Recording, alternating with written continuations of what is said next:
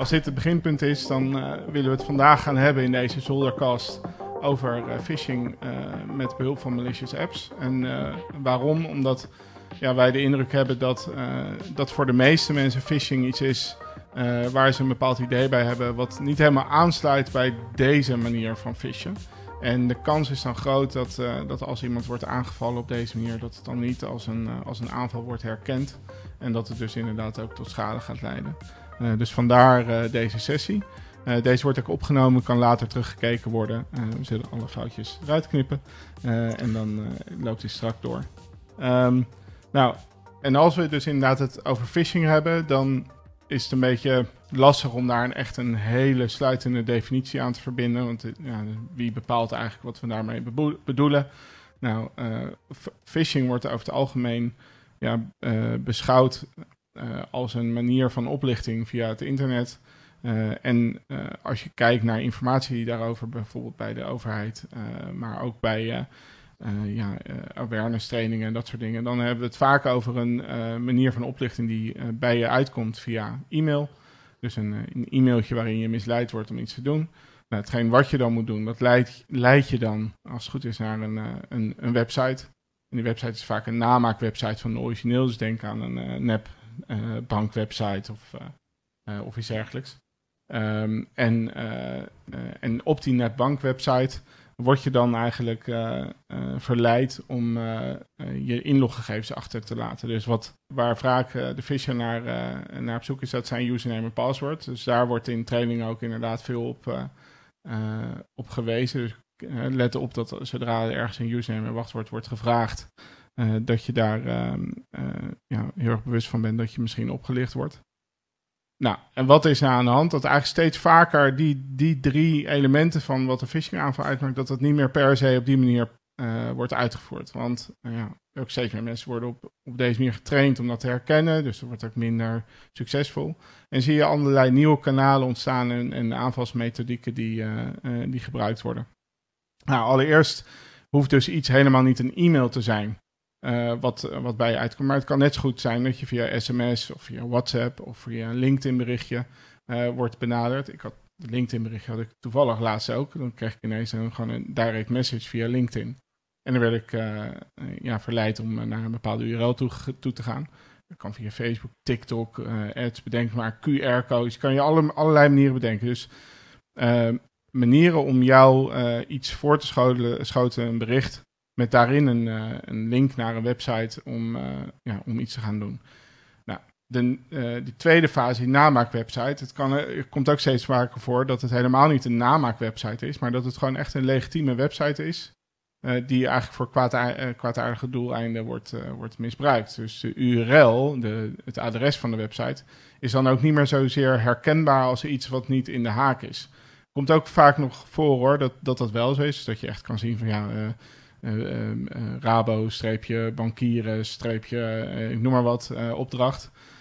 dat je kunt afvragen van, ja, is dit echt, is het echt de Rabobank die nu met mij communiceert? Of is het een, een crimineel? maar in het voorbeeld wat we straks gaan laten zien, zie je ook dat het ook gewoon echte legitieme websites zijn die, waar je mis, misleid kan worden.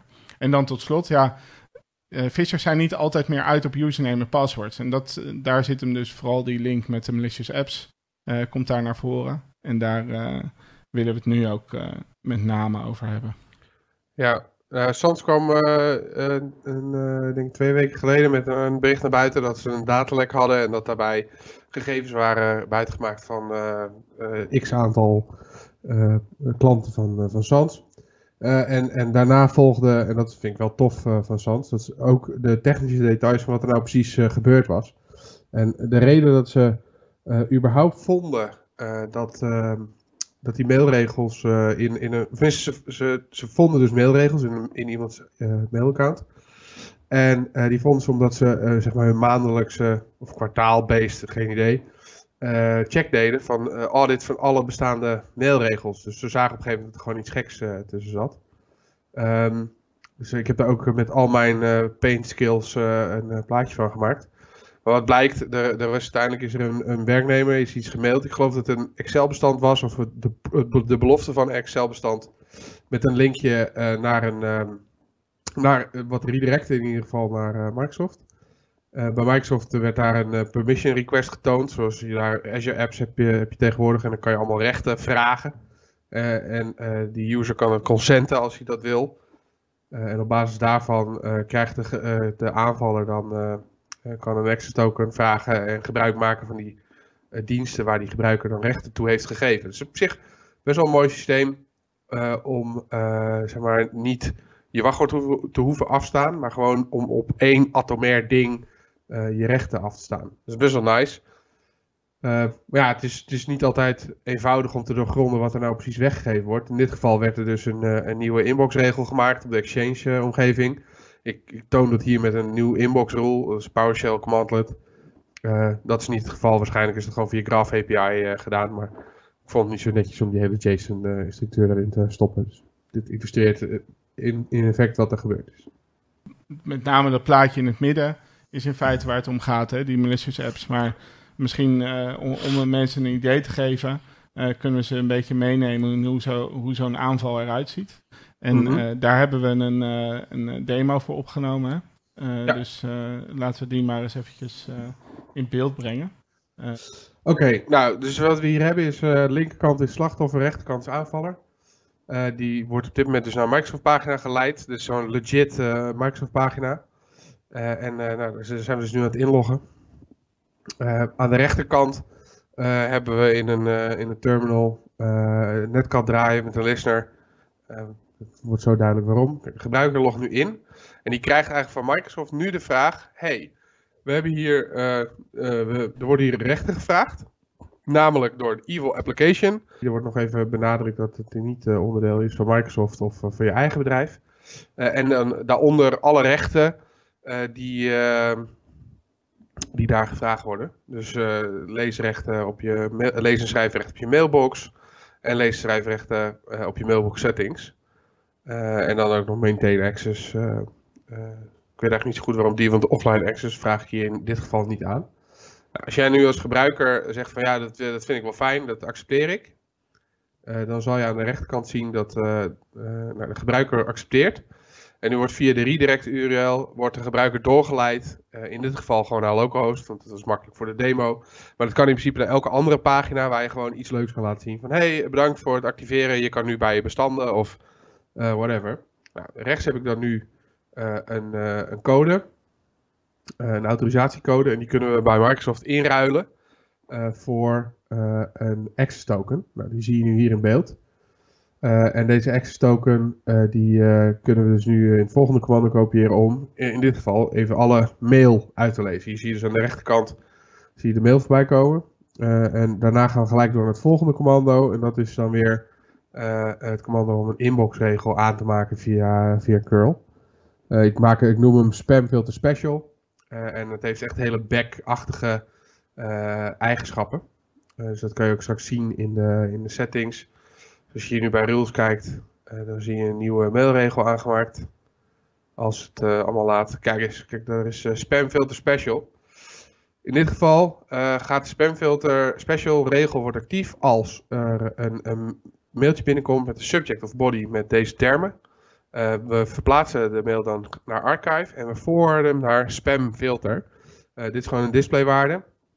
Daarachter kan je dus dan ook gelijk uh, het e-mailadres verstoppen. Dus dat maakt het ook nog eens een keer, misschien voor iemand die er even snel naar kijkt, moeilijker leesbaar. vond ik zelf, dacht ik gewoon, oh, ik weet niet zo goed waarom je dit zou willen doen als, als defender. Maar dit zijn nou echt van die typische backfraude-achtige mailregels met het moven, het Marcus Red. Gewoon om zoveel mogelijk te verstoppen uh, van de mails waar zij dan uh, naar uh, op jacht zijn. Nou, we hebben die, die, die rol dan nu actief. Hè? Dus ik weet dat je voor het eerst waarschuwde over deze vorm van, van data los, of mogelijk data los. Um, mm -hmm. Dat ik dacht van ja, is het nou echt werkelijk zo dat, dat, dat er op deze manier uh, informatie naar buiten gaat. Maar dat, ja, dat was nog ver voordat Sans op die manier getroffen uh, werd. Hè? Dus het, ja. dit gebeurt eigenlijk wel veel vaker in uh, bepaalde aanvals, of ja, bepaalde aanvallen. Ja, nee, ja, die backfraude is al heel lang een probleem. De FBI heeft ervoor gewaarschuwd. Dus immense schade levert het op voor, voor bedrijven. dus dat is, dat is wel zeker iets wat al, al langer speelt. En ja, je kan natuurlijk denken van ja, maar dat doen ze allemaal moeilijk en technisch en weet ik het allemaal. En dat, dat zal ook heus wel in sommige gevallen zo zijn. Ehm, maar ja, waarom moeilijk doen als het ook gewoon makkelijk kan? Ja, ja. Oké, nou goed. Dus als we het dan hebben over. Uh, de, zo, dus zo wordt een aanval uitgevoerd. Ik denk dat als je het vergelijkt met het stelen van een gebruikersnaam en wachtwoord, dan zit dat dus heel erg met name in het schermpje wat nu in beeld is. Dus je krijgt. Je bent eigenlijk al aangemeld bij Microsoft. Dus het is met name iets waar uh, in deze demo waar ehm, zakelijke gebruikers van Microsoft 365 of Office 365 last van hebben. Uh, want dan krijg je dus een schermpje te zien. Je bent waarschijnlijk in je browser al ergens aangemeld, omdat je bijvoorbeeld webmail of een andere onderdeel van, van die dienst gewoon aan het gebruiken bent. Dus je hoeft niet opnieuw in te loggen bij Microsoft. Maar je krijgt gelijk, zonder aan te melden, dit scherm te zien. Met de vraag ja. om een app te, te, accepteren. Ja, klopt. voor zover ik weet heeft Google het ook. Facebook heeft ook uh, apps. Uh, eigenlijk alles wat OAuth gebruikt heeft wel apps voor, voor API's. En afhankelijk van hoe uitgebreid je het implementeert, kan je heel atomair rechten geven tot uh, gewoon stomweg blanket permission. Ik geloof Facebook heeft bijvoorbeeld nu ook heel duidelijk. deze app kan geen berichten op je wall plaatsen. Of deze app plaatst berichten op je wall.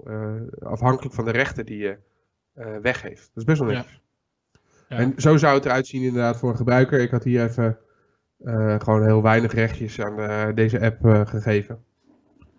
Ja. ja, ja nou, en, kijk, wat, wat je dan in het beeldscherm wat ziet en wat dan omcirkeld is, is die, die melding van ja, this application not published by Microsoft or your organization.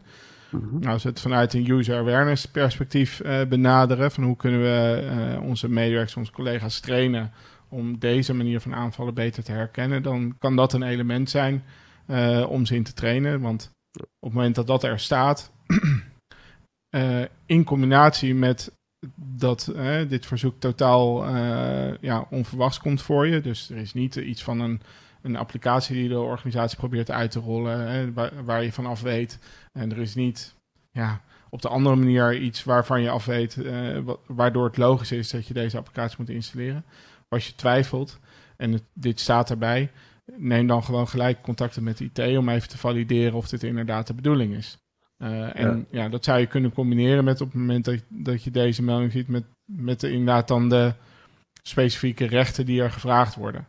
Want er is ook volgens mij de app die jij net uh, demonstreerde, Rick, die heeft dan bijvoorbeeld toegang tot een mailbox. Dus zou dat uh, itempje er ook bij staan, denk ik. Hè? Hier. Ja, ja, dus je hebt hier dus app would like to en dan gewoon de rechten die op dat moment ge gevraagd worden.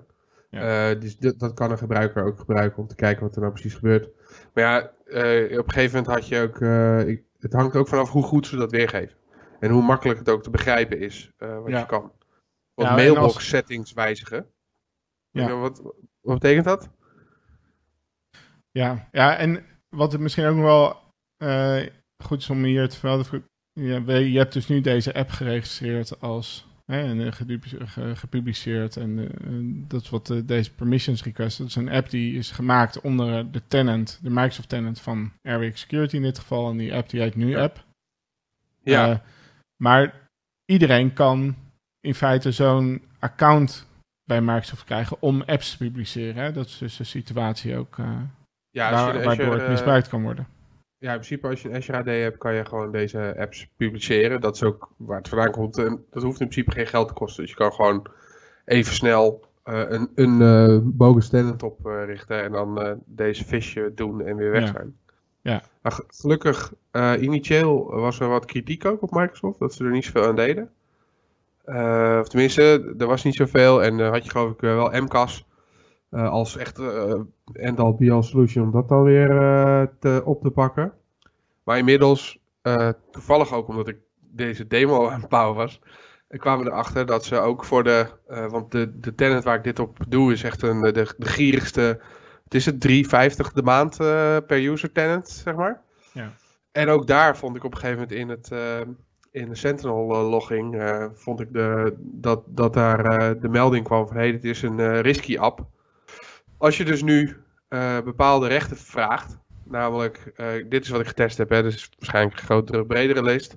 Maar als je dus mail read write of mailbox settings, IMAP access of Teams hebt, uh, read write, dus wat, wat, wat, wat uitgebreidere rechten, dan kreeg in ene de beperkte user in mijn tenant, kreeg in plaats van de melding van, oh ja, dat kan je autoriseren, is gewoon nee, admin moet het approven. Dit is niet een setting die ik heb gezet, het is gewoon, Microsoft heeft het al geregeld, omdat ze nu eenmaal uh, de settings, uh, ja, eng vonden. Ja. Uh, dus het, dat, is wel, dat is op zich wel voordelig, want dat betekent dat je dan als beheerder eigenlijk ook een seintje krijgt nu van je user van hey, ik wil deze app. mag dat? En dan kan je dus nog eens een keer een extra filterstap doen. Ja. In de documentatie stond dat dat nu default aanstaat. Ik heb alleen geen optie gevonden om het ook uit te zetten. Nee, oké. die wens ook niet echt. Maar... Dus dit betekent dat ze, dus er is een app die wil bepaalde rechten. Als een, een medewerker in de organisatie geen admin is, dus geen beheerder is, en mhm. wel op accept drukt, dan krijgt hij eigenlijk automatisch dit bericht te zien op het moment dat, dat de rechter die gevraagd wordt een bepaald risicovol karakter hebben volgens Microsoft. Hè? Dus dat, daar, hoef je eigenlijk bijna daar hoef je eigenlijk niks voor te configureren. Dus Microsoft heeft al wat stappen genomen om deze dreiging wat, uh, wat in te perken. Ja, uh, ja, dat was tot, tot gisteren wist ik niet dat dit überhaupt bestond. Dus ik vind het echt wel top. En gezien de reactie op Twitter, volgens mij wisten meer mensen niet dat dit bestond. Nee, nee, nee, dat precies. En um, nou, vervolgens wordt dat dus uh, uh, ja, de, de, de vraag aan een medewerker om een uh, app toe te staan, leidt op zich ook wel tot zichtbare signalen in je logbestanden ja. van Microsoft. Dat zien we hier, hè? Ja, dus in principe het auditlog bevat dus informatie. In dit geval zoeken we op de operatie consent to application en die dan gefaald zijn. En dan specifiek met die result description user consent blocked for risky apps exception. Ehm, nou ja, daaraan konden we dus zien wanneer dat dan gevraagd is en aan welke user. dus dat kan je dan weer gebruiken ook voor onderzoek waar je nou, heb je nou het idee dat er iets aan de hand is of zo, dan kan je nu zien wanneer dit gefaald is en wanneer het dus doorgeëscaleerd is. Of wanneer een user dit kan doorescaleren aan een admin. Dus zo zou je ook alle users terug kunnen vinden die daar, die, die melding hebben gehad en erop hebben geklikt. Ja. ja dus dat, dat, is gewoon handig voor hun te, beetje. En hier is nog goed bij te vermelden dat hetgeen waar we nu naar kijken, dat is uh, Sentinel. Sentinel is een, uh, is een onderdeel van Microsoft wat je kunt activeren uh, in je tenant. Maar daar moet je wel wat stappen voor, voor zetten, dus het is niet zomaar actief. maar belangrijker is ook dat waar Sentinel in dit geval zijn, zijn informatie uithoudt, is het audit log. En dat staat ook niet standaard voor iedereen aan. Dus het is goed om dat eventjes te valideren, omdat ook los van deze vorm van aanvallen het gewoon heel waardevol is om uh, ja, logging te hebben over wat, wat je users allemaal doen uh, in, rondom authenticatie. Ja, zeker. Dus de, je kan. Ehm, Sentinel is in principe gewoon gratis voor een aantal logsources. Zelfs al heb je dus de goedkope tenant. dus ook al ben je niet actief aan het monitoren, is het de moeite waard om gewoon te zorgen dat al je audit logging op vol staat en Sentinel volgepompt wordt. Mocht er dan een keer wat, wel wat aan de hand zijn, ook al heb je er zelf geen verstand van, dan kan je altijd nog een security iemand naar laten kijken en zeggen: hey, ik heb wel van de afgelopen 90 dagen, want dat is gratis, 90 dagen logging, heb, ik, heb ik data. Dus dat, ja, het niet aan hebben is zonde. Volgens mij hebben we ook een blog hoe je dit aanzet en fixt voor jezelf. Ja, ja. Ja, die zou ik zo eens eventjes erbij proberen te toveren. ja. Maar oké, dus dit, dit, is de logging. Um, vervolgens, uh, ja, wat, we net lieten zien is dus dat je als een app risicovol is, uh, dat Microsoft iets gebruikt heeft dat admin approval nodig is. Ja. en vervolgens als je, maar als je admin bent, dus als je al ingelogd bent met beheerdersrechten, ja. dan krijg je gewoon dit scherm te zien, toch? Ja, ja, dus dat, is, dat vind ik dan weer jammer. Want nu krijg je dus uh, niet een waarschuwing dat dit, deze app risky is. Dus een normale user krijgt de waarschuwing: nee, dit moet je niet doen. Dit is risky. Uh, stuur het naar je admin. Uh, maar als je als admin op die link klikt per ongeluk, en nou ja, het hoort natuurlijk niet, en je bent natuurlijk niet met je reguliere user account admin, maar het gebeurt wel. dat had toch mooi geweest als nu hier ook bij, bij weergegeven wordt van hé, hey, wij hebben deze geclassificeerd als zijnde risicovol. Ja, Dus dat, maar dat is meer gewoon een nice to have, niet direct... Zou handig geweest zijn, inderdaad. Gewoon alleen al een vinkje van, of een, of een waarschuwingje van kijk uit, risicovol. Ja, ja. ja zeker. Nou, dat gebeurt niet. Dus als je, als je beheerder bent, dan kan je nog steeds gevist worden. Uh, via deze methode. Want dat is dus. En dan, dan kan het dus net zo goed zijn dat het niet opvalt. Bijvoorbeeld ook hè, dat die koontje wat je nu ziet, dat zwarte schildje. Dat zou uh, makkelijk gewoon een elk willekeurig plaatje kunnen zijn. Dus ook bijvoorbeeld gewoon een. Uh, daarin zou je misleid kunnen worden om te denken dat het van een bepaalde organisatie afkomt. Dus het logo van een of ander bedrijf of een bank of van Microsoft zelf. Ja, ik ben benieuwd of, of ze nog filteren op hun eigen. wel lastig, denk ik. Maar goed. Nou ja, uh, zeker. Um, en dan vervolgens kan je op het moment dat een admin uh, echt consent geeft aan een app, kan je dat op deze manier uh, ja, loggen. Uh, dit is niet zozeer admin consent, maar dit is, dit is, dit is risky. een, ris een app die als, door Microsoft als risky werd gedetecteerd. Ja. En alsnog geconsent werd. we hebben in de GitHub staan nog een losse voor hoe het dan zit met uh, risky. Uh, bijvoorbeeld gewoon een reguliere admin consent. Ja. we moeten deze query ook even op GitHub zetten. Maar, ja, ja, gaan we zeker doen. Um, nou, mitigerende maatregelen. Dus dit zijn de settings in, uh, in Azure die je kan aanzetten um, om ja, meer controle te krijgen op dat, op dat user consent. Dus ja. Wat, wat we in beeld zien is eigenlijk hoe, hoe het standaard staat. Dus de blauwe yesjes, zeg maar de bovenste twee, die staan dus inderdaad standaard op yes. En het advies is om dat op no te zetten. Dan moet je misschien even bij toelichten wat die verschillende opties zijn, Rick.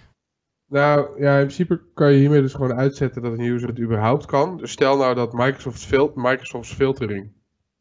Uh, want die, die proberen natuurlijk een risky app te klassificeren. Maar als de app niet risky is, mag de user dan in een reguliere situatie nog steeds consenten. Uh, dus stel nou dat je daar meer controle over wil, uh, en dat is best aan te raden, dan kan je deze opties gewoon op no zetten. En dan die, die bovenste twee.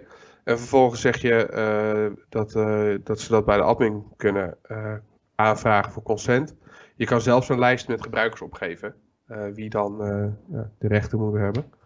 Dus dat, wie, wie gevraagd zouden moeten worden. zo kan je het ook een beetje managen, wat er allemaal gevraagd wordt. Zeker als je wat grotere organisatie bent kan het natuurlijk wel voor problemen zorgen als je dat gewoon op zwart gooit en nooit naar de requests kijkt. Maar ja, als je daar dus deze zou zetten, dan komt het goed. Ja.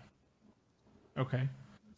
Nou, dan we, komen we aan bij, de, bij de adviezen die we zouden geven, gegeven deze dreiging. Mhm. um, nou, wat ik helemaal aan het begin al zei, van, er, wordt, er wordt op zich natuurlijk om tegen phishing te beschermen veel geïnvesteerd in user awareness trainingen. Ik denk dat het heel belangrijk is om die trainingen te updaten, zodat uh, ja, degene die dat soort trainingen krijgen ook begrijpen dat het niet alleen maar over gebruikzame wachtwoord gaat. Maar ook dat dit soort uh, risico's er, uh, erin zitten.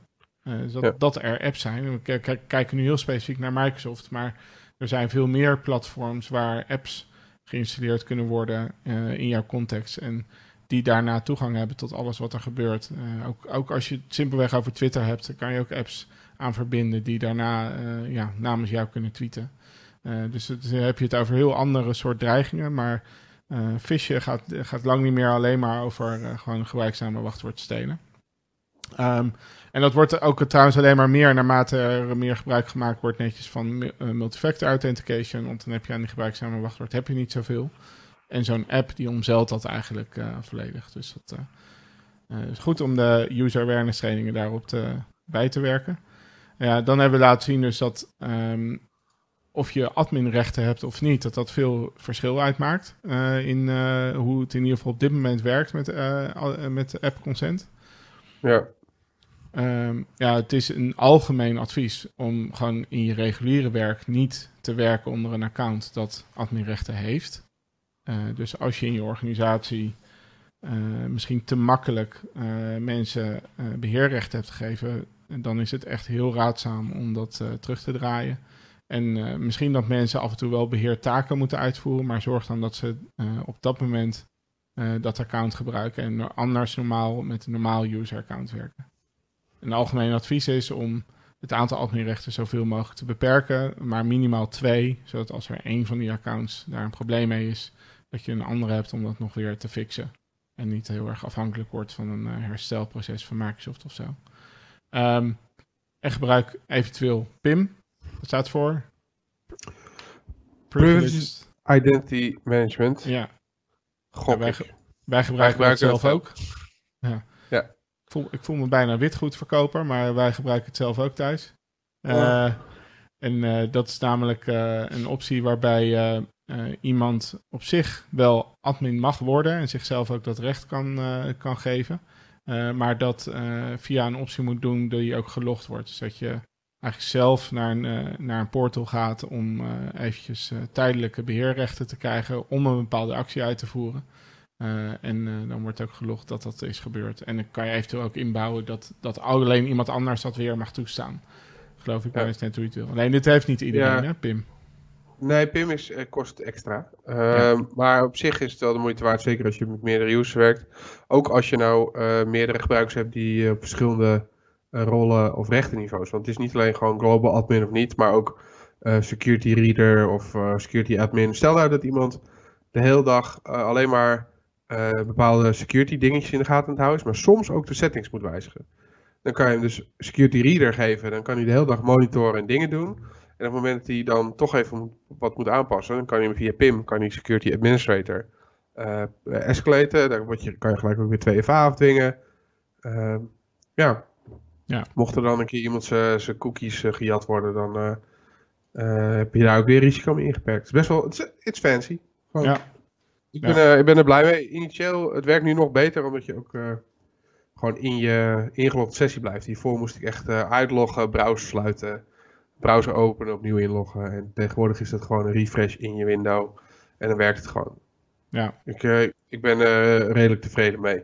Ja, ja ik ook. Ja, en dus uh, die, die opties om consent te geven voor, door gebruikers, ja, kan je wat ons betreft het beste gewoon uitschakelen en altijd de admin approval uh, inschakelen.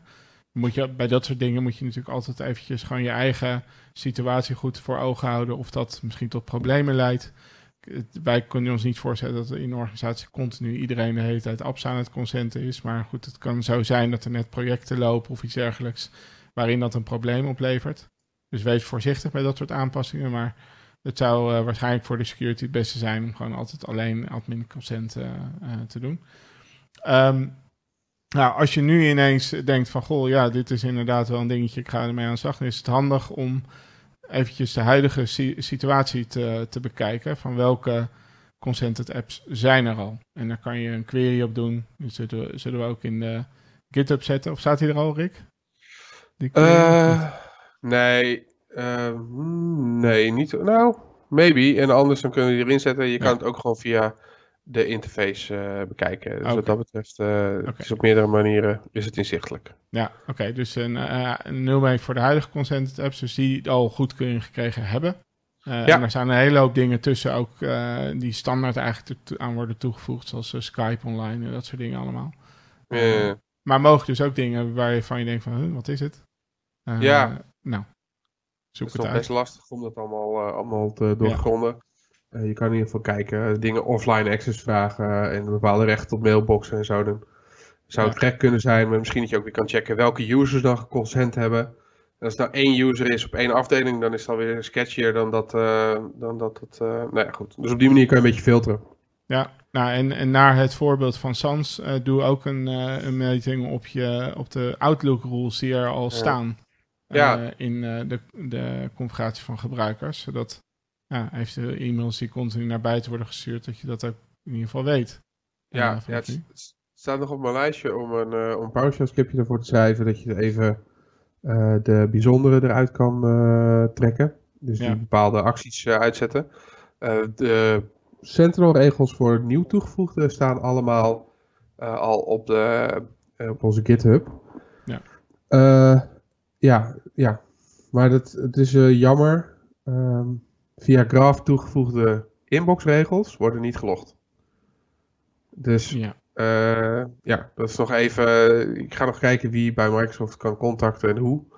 Uh, maar dat is natuurlijk een behoorlijke blind spot. Want je vindt dus nu, als je, als je via de audit log, de Office Activity log gaat kijken, dan zou je dat gewoon moeten kunnen zien.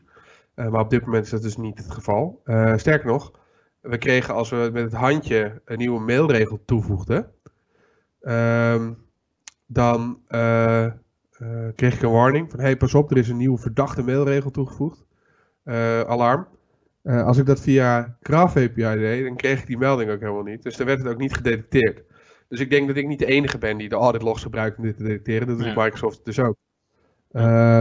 Dus dat is nog wel echt, nog wel echt een blind spot. Daar moet wat mee, mee gebeuren. Ja, nou, en, en ja, er stond nog van vooral monitoren op dit soort dingen. Ik denk dat in zijn algemeenheid dat het goed is om, om te begrijpen dat er dus een hele hoop gebeurt in je Office 365 en Azure omgeving. Waar je, waarvoor het goed is om daar op te monitoren. Of op zijn minst regelmatig eventjes naar te kijken of er gekke dingen tussen zitten. Nou, audit logging aanzetten. Maar vooral ook, ja, als, je, als er al aan security monitoring gedaan wordt binnen je organisatie, zorg dan in ieder geval dat er ook naar dit soort uh, dingen gekeken wordt in de cloud. Want dat uh, wordt, uh, is een steeds grotere dreiging, die, het misbruik van webapps en dat soort zaken.